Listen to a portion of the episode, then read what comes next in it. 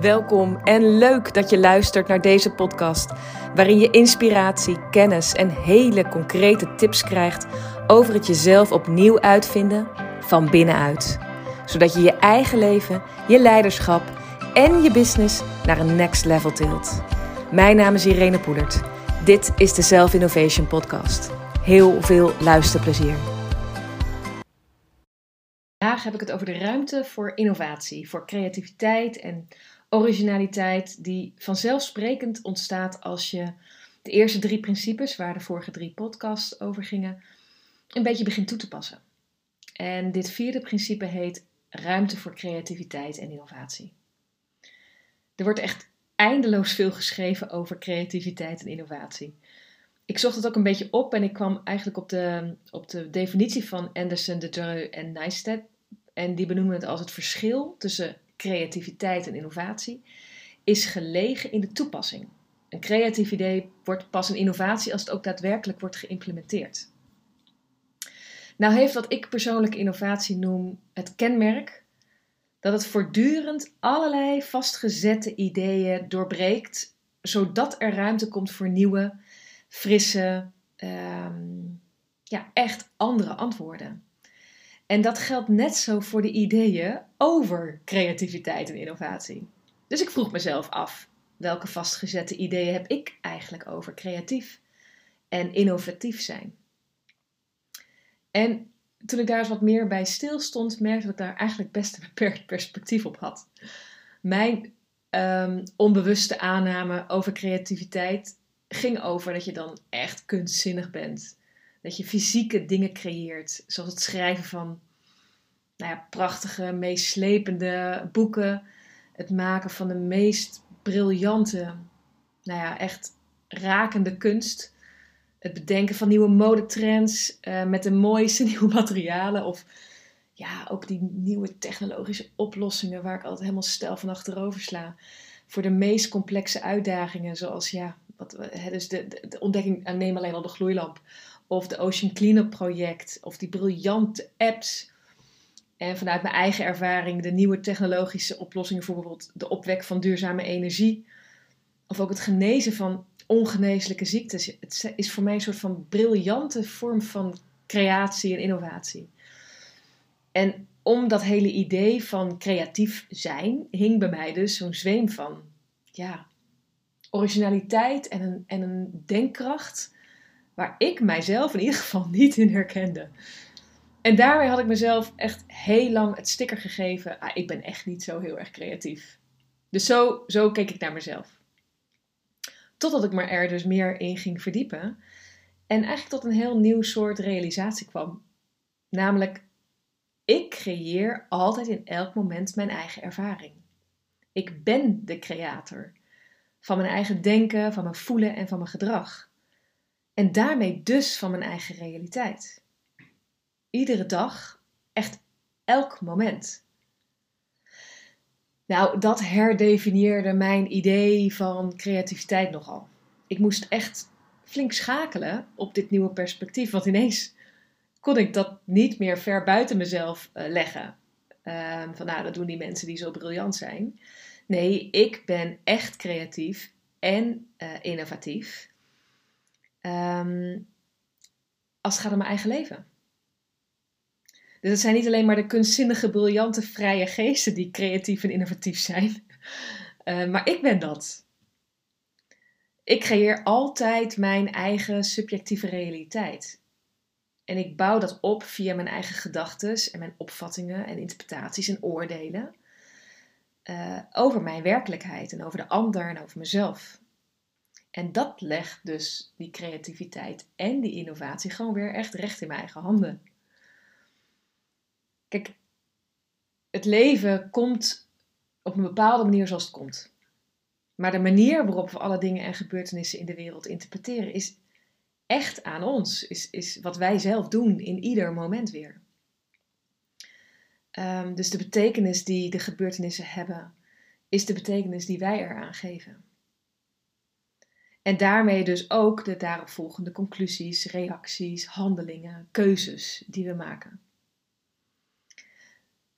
creativiteit en innovatief, innovatief zijn vanuit dit nieuwe perspectief ja, uh, omvat dus de bewustwording dat elke keuze die ik onbewust en bewust maak, een keuze is van betekenisgeving.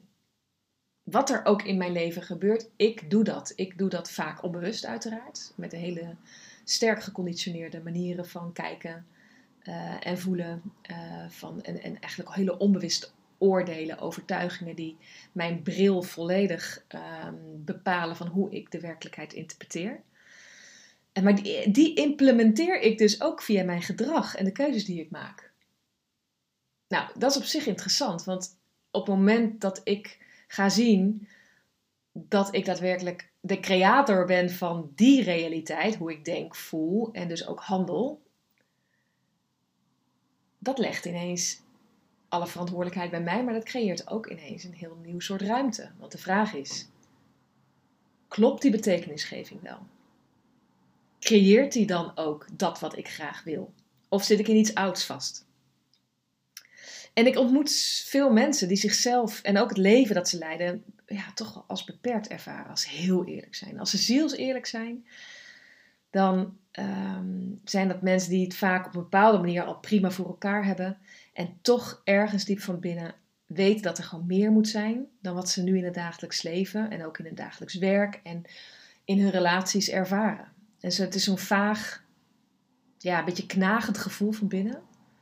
Vaak moeilijk om onder woorden te brengen. Een soort van vage notie van, hmm, ja, eh, volgens mij uh, is er meer uit mij te halen. En kan ik gelukkiger zijn? Kan ik meer ontspannen zijn? Uh, dat soort gevoelens van, kan ik meer onbevangen zijn? Kan ik eigenlijk veel duidelijker zijn? Wat ik eigenlijk over het algemeen niet doe.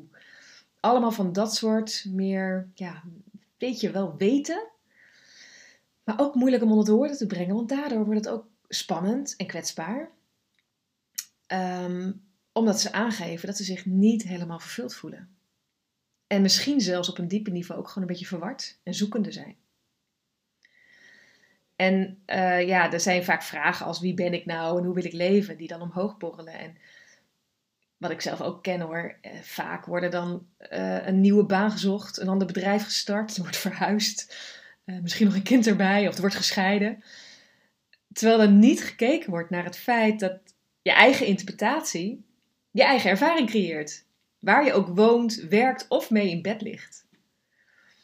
Dus het feit dat je zelf de creator bent van je eigen ervaring zegt eigenlijk al: al je keuzes zijn dus jouw creativiteit, jouw innovatie. Als je ze ook echt toepast en in je gedrag uh, toepast, zichtbaar zijn.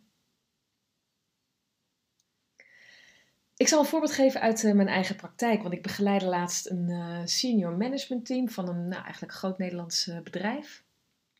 En met hen ging ik ook direct huppakee, naar hun essentie en ook um, van hé, hey, wanneer leef je daar nou wel vanuit en wanneer niet. En dat leidde al tot een heel mooi gesprek.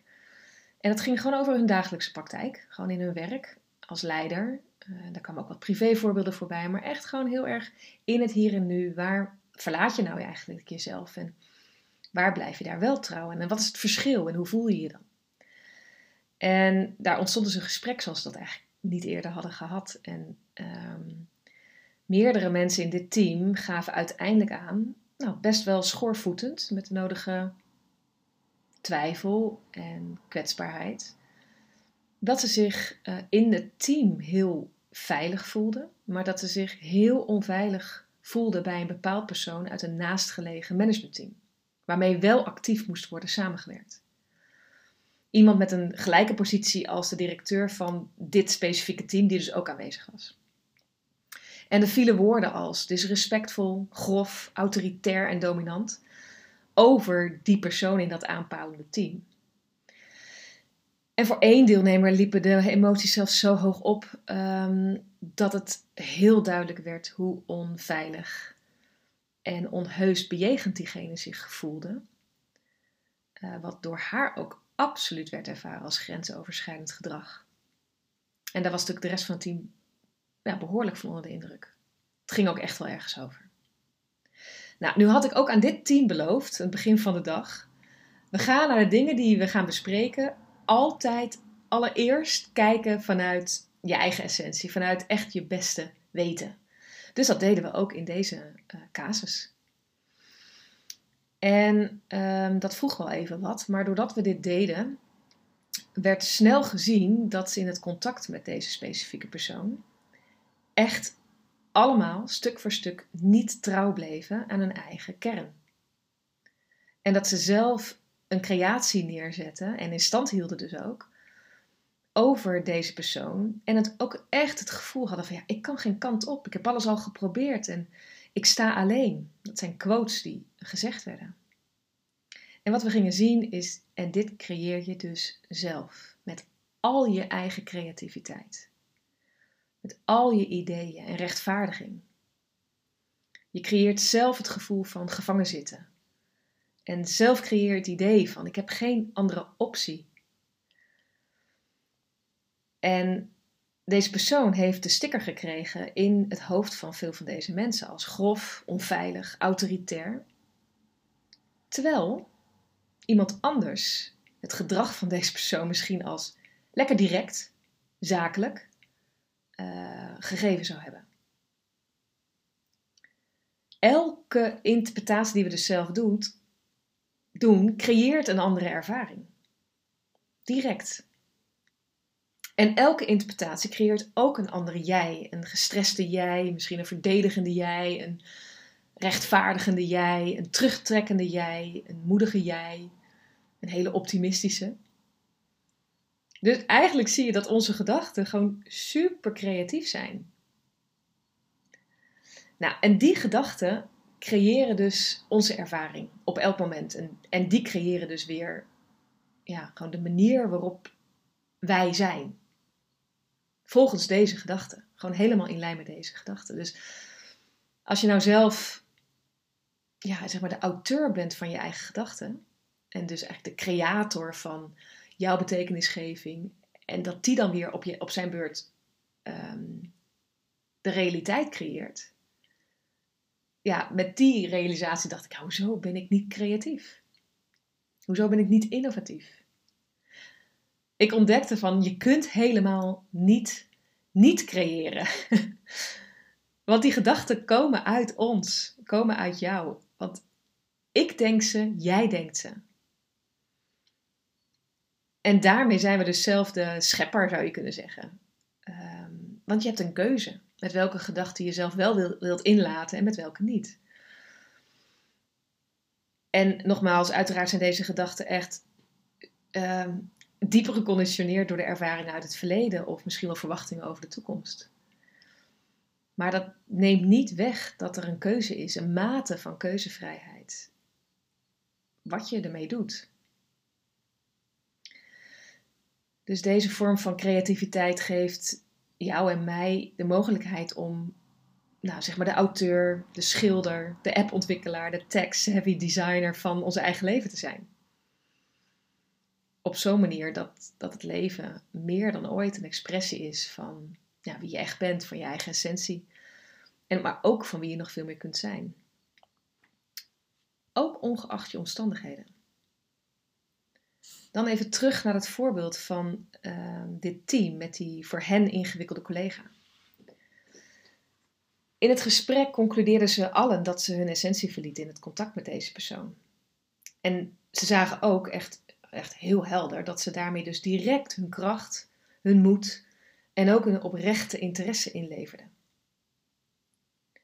Ook concludeerden ze dat bepaald gedrag van deze persoon echt grensoverschrijdend is. En dat er dus ook, doordat iedereen zijn kracht verliest in het contact met deze persoon, er onvoldoende begrenzing heeft plaatsgevonden. Allereerst dus door henzelf.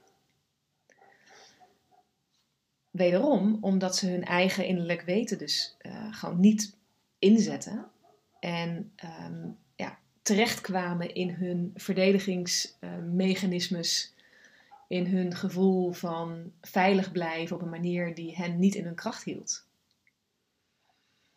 En door weer in te tappen in hun eigen nou ja, helderheid, in hun helderheid van geest, kwam hun duidelijke, ja, echt wel besef dat er begrensd moest worden. En dat er ook op een nieuwe manier verbonden kon worden. En ze gingen dit, deze persoon als het perfecte oefenobject zien om trouw te leren blijven aan zichzelf. En daardoor kwam er al een totaal andere energie vrij. Kwam er ruimte om het oordeel heen. Um, kwam er eigenlijk een soort van: oké, dit is gewoon echt goed leermateriaal. Maar ook belangrijk voor het bereiken van de resultaten die met het aanpalende team wel degelijk um, ja, bereikt moesten worden. En wat ik mooi vond om te zien is dat ze ook uh, zagen dat ze uh, elkaar hier veel meer in konden steunen. Omdat een ieder meeging in de creatie van het verhaal van het, dat het zo'n vreselijk persoon was. Wat hen per definitie onvrij maakte. En ook dat ze elkaar dus veel meer konden steunen in die overleggen waar ook deze persoon aanwezig was. Door heel rustig en helder te begrenzen en een open verbinding te houden. Vanuit gewoon wie ze zijn, vanuit hun kern, vanuit hun kracht. Nou, dan heb je het echt over creatie in het hier en nu, bewuste creatie in het hier en nu. Wat we altijd dus al doen, maar dan dus met meer bewustzijn, met meer helderheid, met meer focus op wat wil ik hier creëren en niet als slachtoffer van de omstandigheden. Zo pakte zij dus weer het stuur weer zelf in handen. Waarbij er echt totaal geen garantie is dat de ander waar het hier over ging even lekker easy mee gaat zitten veranderen. Maar je creëert wel zelf intern en ook extern de omstandigheden, ja, waardoor de kans misschien toeneemt dat er iets nieuws ontstaat in dat contact. Nou, als je echt uh, begrijpt en ook toelaat dat je van nature creatief bent, gewoon simpelweg omdat je mens bent, en dat je dus kunt kiezen voor de kwaliteit van je gedachten, en dus ook de bijbehorende gevoelens, waarom zou je het dan niet doen? Dat vroeg ik mijzelf af. En er zijn heel veel redenen voor. Een van die redenen is dat het gewoon echt verrekte lastig is om de volledige verantwoordelijkheid bij jezelf te houden ik zag ook wel, er is echt een verslaving aan de super creatieve verhalen in ons hoofd. En de bijbehorende emoties, die ook horen bij het weggeven van die verantwoordelijkheid. En ook al geven ze ons een slecht en onvervuld gevoel, het repeteren van die verhalen in ons hoofd over de ander, over onszelf, de rechtvaardiging, de oordelen over de ander en over onszelf. Het is toch een soort van gewoonte, het is toch een soort van verslaving. En wat wel goed is om te weten, is dat deze gevoelens en gedachten ook bepaalde chemicaliën in ons lichaam produceren. Zeker bij een emotie komen er gewoon chemicaliën vrij. Die ervoor zorgen dat als je daar langer bij die emotie, als dat dus doorwerkt, want die chemicaliën worden niet gelijk opgebruikt. Die blijven nog een tijd in je lichaam zitten. En dus hoe langer die chemicaliën ook in je lijf zitten, hoe meer daarvan je lijf er ook aan gaat wennen, erop gaat rekenen. En de ja maar hij en de ja maar zij en de ja maar ik geven ons op een bepaalde manier en onbewust een adrenaline high. Zo'n high, weet je wel, dat je echt denkt, ik leef. Maar is dat de vorm van leven die je graag wil, die jij wil creëren? Het maakt, dit is het fenomeen van die chemicaliën, dat hele proces in jezelf en het feit dat je jezelf op die manier nou, lekker bezighoudt en eigenlijk ook niet goed een alternatief weet hoe hiermee om te gaan. Dat maakt dat het gewoon verrekte lastig is om anders te gaan denken en om zelf dat stuur te pakken. En toch is het zo dat wil je echt, nou ja, leven waarachtig volgens jezelf en ook een andere leider zijn in het hier en nu voor de toekomst, dan is het echt cruciaal in mijn ogen om die creatorpositie in te, in te nemen. Daarmee gewoon te oefenen. En ook te voelen hoeveel weerstand het in jezelf oproept. Welke verhalen er getriggerd worden. En dan simpelweg te onderzoeken: zijn ze waar? Is dit in lijn met mijn diepere weten, mijn helderheid. En ook de, eigenlijk de belangrijkste vraag is: zijn ze behulpzaam bij wat ik wil waarmaken in het leven? Zijn ze behulpzaam bij de resultaten die ik wil neerzetten? Zijn ze waar? Dat is een hele, nou, vaak behulpzame, maar ook confronterende vraag. En laten we wel wezen, als je jezelf niet kan leiden in je eigen creatie, innovatie, hoe wil je dan anderen begeleiden en leiden in hun creatiever uh, en innovatiever leren te zijn? En zoals ik net al zei, het is ook goed om ja, echt te realiseren dat het hiermee ook echt een neurologische reset is. Want hoe je nu je denken en je voelen creëert, komt voort uit al die neurologische verbindingen die je zelf hebt aangelegd in je hoofdbrein, in je hart, in je buik. Alles werkt daarin met elkaar samen. En of je nou leuk vindt of niet, dit is gewoon wetenschappelijk aangetoond. Je kunt niet alleen vanuit je ratio dit aanpakken, want je hele lichaam is hier volledig op geprogrammeerd. Zenuwcellen zijn aan elkaar verbonden door bepaalde gedachten en gevoelens steeds weer opnieuw te denken en te voelen. Want zenuwcellen die met elkaar vuren, dus die dus met elkaar echt steeds in verbinding zijn en die chemicaliën ook uh, uh, met elkaar, tussen elkaar heen en weer gaan, die verbinden zich met elkaar. En dat is die gedachte, dat is dat gevoel. Dat is een verbinding die zich aangaat in, in je brein. En vervolgens hebben we dat gecreëerd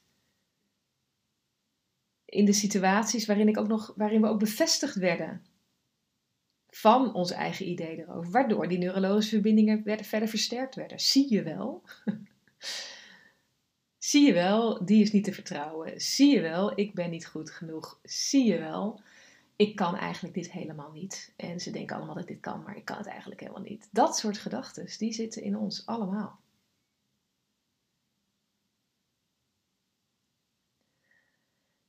En het doet er dus toe hoe je denkt. Want nogmaals, zenuwcellen die met elkaar vuren, die dus echt die verbinding met elkaar aanmaken, zijn echt gewoon gedachten. En dat is waar de verbindingen gemaakt worden.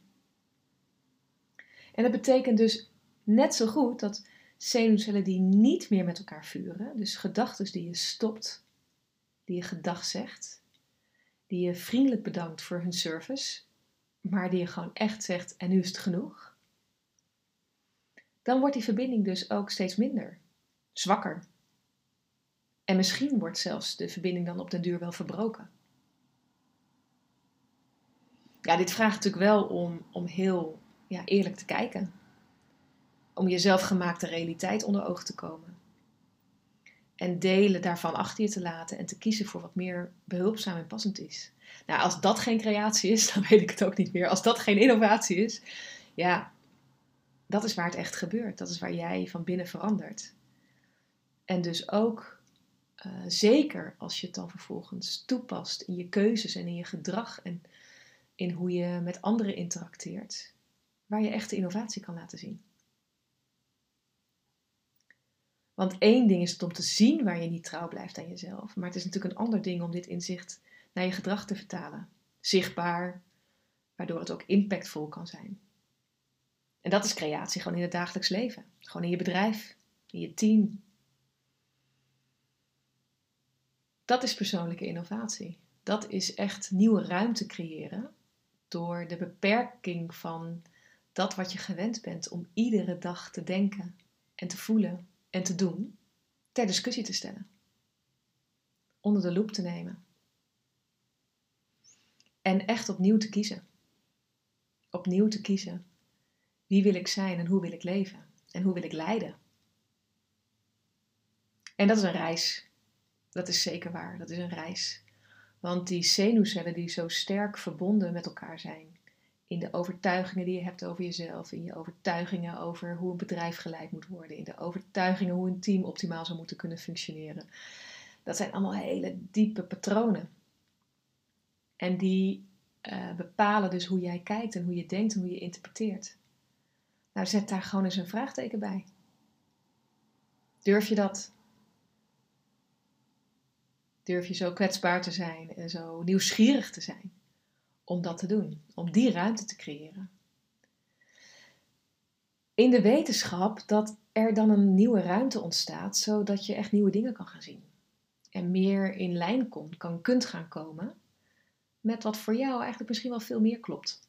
Als het gaat om wie ben ik, hoe wil ik leven, hoe wil ik leiden. Hoe kijk ik eigenlijk naar teams? Om daar nieuwe perspectieven in toe te laten en dus ook dat misschien wel meer waar te gaan maken dan wat je gewend bent te denken daarover. Dat is veranderen van binnenuit. Dat is je mind veranderen waardoor je andere resultaten behaalt. Dat is persoonlijke innovatie. Dank voor het luisteren. Als je hier dingen voor jezelf uit hebt gehaald die voor jou relevant zijn of die jou verder hebben gebracht, of als je gewoon nog vragen hebt, vind ik het heel leuk om van je te horen. Stuur een mail naar info@irenepoelen.nl of zoek me even op op LinkedIn of Instagram. Wil je met me werken? Kijk dan op irenepoelen.nl voor mijn aanbod. Gaaf als je deze podcast deelt met iemand die je hier heel blij mee gaat maken.